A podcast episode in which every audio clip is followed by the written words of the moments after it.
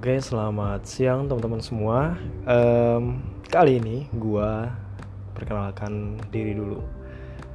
Um, gue Novel itu Sabil, gue tinggal di Jakarta dan sebenarnya saat ini gue masih kuliah di salah satu universitas di Jakarta yaitu Universitas Al Azhar Indonesia dengan jurusan Ilmu Komunikasi Broadcasting. Tapi uh, eh, gue saat ini posisinya sedang cuti karena um, something problem yang mungkin gak bisa gue ceritain di sini.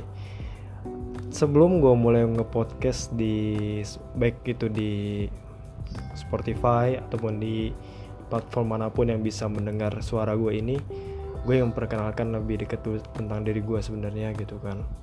Jadi gue ingin membuka lembaran di podcast gue ini gue iseng-iseng nyoba untuk mungkin bisa menyuarakan suara gue jauh lebih apa ya lebih luas lebih lebar tanpa harus show up wajah gue gitu. Jadi satu sih mungkin gue orangnya terlalu nggak pede juga kalau diliatin wajahnya tapi satu sisi gue mau mencurahkan sedikit pemikiran gue di apa namanya di um, podcast ini.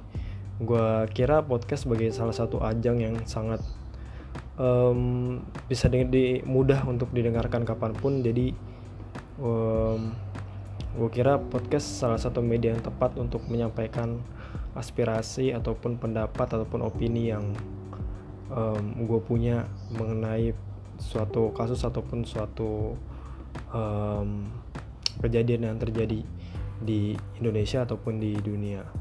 Itu aja introduce dari uh, gua oh ya gue um, saat ini profesi gue gue nggak bisa bilang itu profesi sih tapi saat ini yang sedang gue kerjakan yaitu sedang mengajar di salah satu lembaga pendidikan non formal yaitu Karoma Healing Center.